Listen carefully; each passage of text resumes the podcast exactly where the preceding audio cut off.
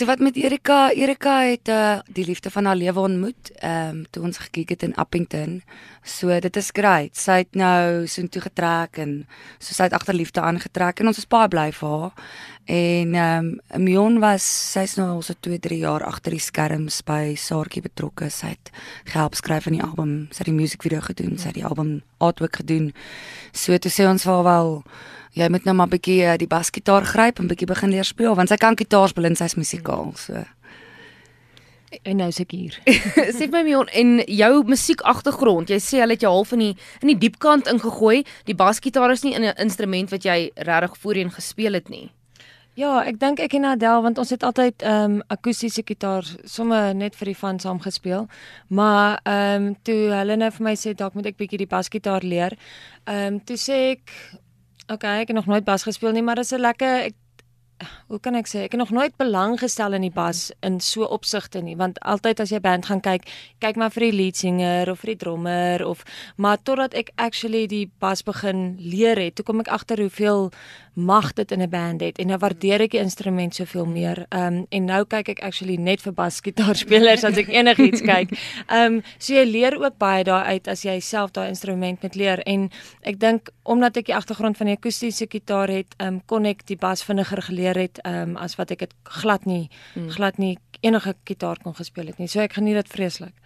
Adel laaslik met julle gesels het was Laurie nog deel van die groep gewees. As jy nou kyk na die verskillende um groepslede van Laurie na Erika na Mion, um verander die klank van Saartjie dan. Elke keer as jy 'n 'n basgitaarspeler bykry. Ja, dit verander definitief.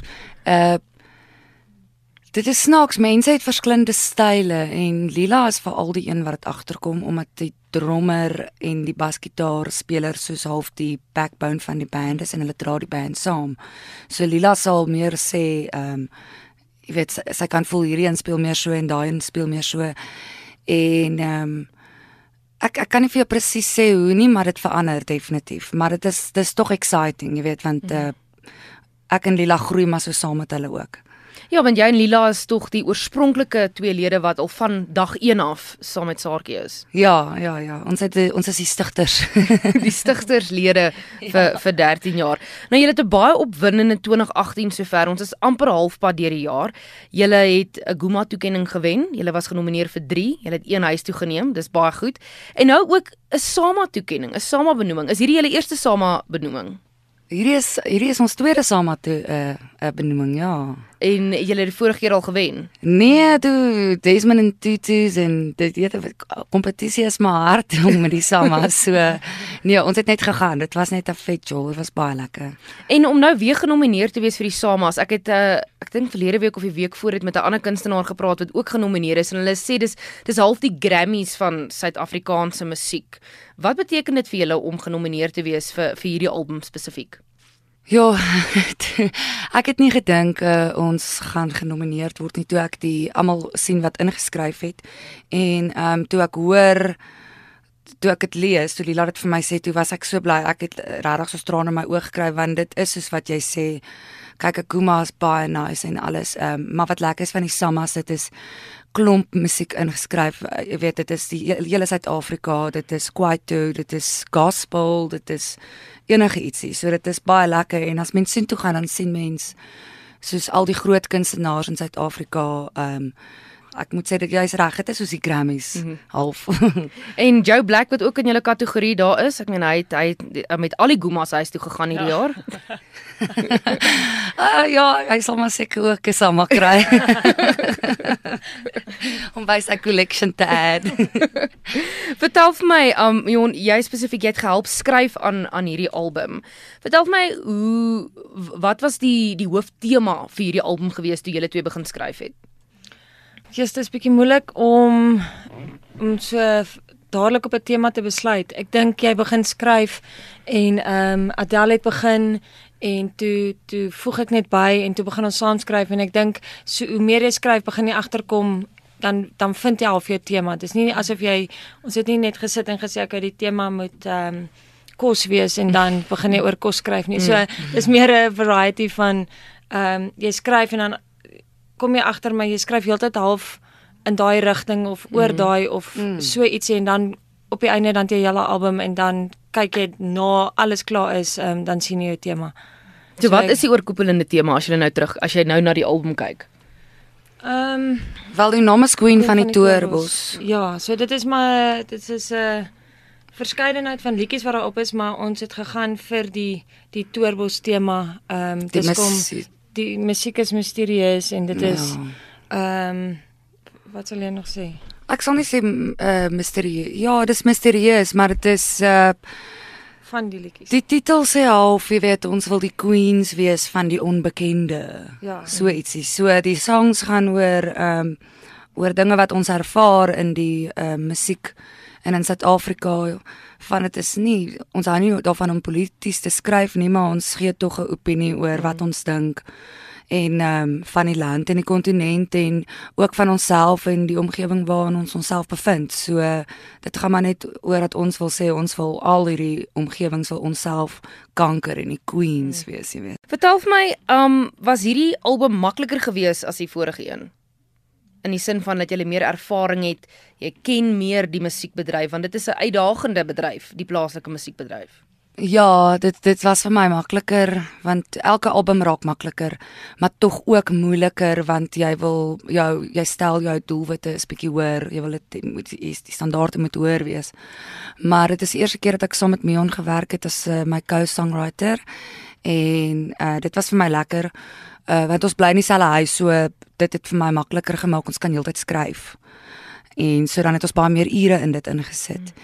So die skryfproses was vir my makliker omdat sy heeltyd daar was en dit was ook vir my meer opwindend want dit is die ander meisies aan dat trout ek het baie lekker saam met haar geskryf.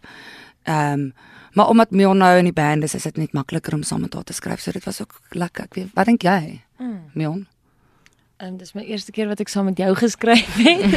ek sê ehm um, nee, ek het ek dink ook dit was 'n baie lekker ervaring gewees en laat ons saam bly maak dit makliker want jy kan jy hoef nie ehm um, tye vas te stel wie wanneer beskikbaar is en hoe dit in jou skedules inpas nie. Dis letterlik ons kan besluit of ons 11:00 die aand of 6:00 die oggend wil skryf. Ehm um, dis dis heeltyd beskikbaar en dit het makliker gemaak want dan kan jy soveel meer goed skryf al gebruik jy dit nie het jy daai daai opsie gehad om ekstra goedjies te geskryf het. So ek dink dit is baie makliker. So Lila bly ook nog saam met julle.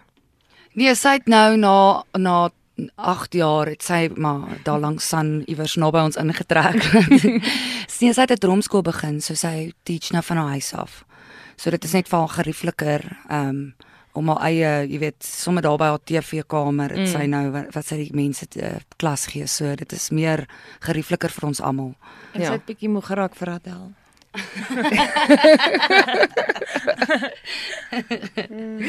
Sê vir my, jy het ook nou onlangs, um, soos die Engelsman sal sê, merchandise begin verkoop. Ek weet jy het keppies, hoedens en um watse ander tipe goed is dit en was dit 'n doelbewuste besluit geweest of maar net iets wat oor julle pad gekom het? Ek bly het jy navorsing gedoen.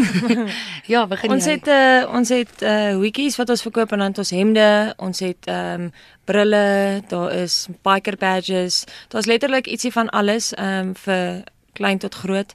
Ehm um, en dis ietsie wat ons wil meer soos 'n saartjie brand begin. Ehm um, in die in die term van ehm um, mense moet kan wil uitgaan met jou hemp of jou hoed en dat dit nie net 'n actual merch is vir vir by 'n geek en jy koop net ietsie as 'n souvenir nie, maar mm. ook daai opsies. Dis kom ons het kleiner goedjies wat jy souvenirs kan koop, maar ons wil later ook ons wil nou vir die winter goedjies kry. So dis meer iets wat ons later wil laat groei. Ja, en ek wil net by jou bylas hoekom ons dit begin het in die begin is want ons het agterkom ons moet bietjie meer geld maak. ons sukkel om die rente te betaal en die swembad is groen want daar's nie genoeg, daar's nie geld vir kloor nie. En toe begin ons um ekstra te sien ons die ander bands verkoop se hemde en toe begin Lila het actually toe uh, hulle te besigheid oopgemaak wat hulle printing doen. En toe sy begin die wikkies jy weet dit ons laat die wikkies by, by hom maak of whatever en toe Mion uh vertel gou van wat jy toe begin het jy toe 'n designer of wat Ja, ek het 'n uh, eh, so aan die sy uh, sy besigheid um Girl with Hat wat ek um begin het en um so daar wil ek ook my eie klere reeks Girl with Hat doen, maar toe sê ek vir hulle kom ons begin eers met 'n saartjie hemde reeks en hoodies en mm. wat ook al ons nog kan bymekaar kry en dan toe ek um die artwork van die albums begin doen en al daai goedjies. So dit was uh, dis maar iets wat so oor my pad gekom het en toe mm. voeg ons dit by Saartjie en nou bly dit maar by Saartjie en dan sal ek maar later weer aangaan. So dit dit is 'n go with that design en ja, ek dink dit kan net groei van daar af want dit het doen actually baie goed en die mense love dit. So ek dink is 'n goeie opsie gewees. Ja, so ons maak letterlik ons eie merchandise. Mm. Ja, sy design die klere alles self. Sê vir my, uh waar kan ons luisteraars julle volg en veral kyk na optredes? Jy weet julle is nou julle is nou um toekenning wenners, Guma wenners en ons hou duim, duime vas vir die Samas. Waar kan hulle julle volg? Ons het uh ons is op uh, Facebook. Ehm um, en onthou julle dit is Saartjie K I E en nie Saartjie nie. En ehm um, ons is op Instagram Saartjie Band en dan ehm um, Jon, wat ons o, ons het 'n webwerf. Ja, ons webwerf is www.saartjie.com en dan is dit uh op Twitter is ons ook net Saartjie Band en dan ehm um, gaan ons Snapchat kry seker in die volgende maand. en ons is uh, ons is op iTunes al ons musiek ja, op Deezer, Deezer, Google Play, ehm um, basically al die platforms ehm um, in die musiek. En Spotify Spotify. Sorry, ja. As jy 'n CD wil hê en ehm um, jy kry nie een in die hande nie, kan jy een bestel op die op ons webwerf en dan sal ons vir jou een pos.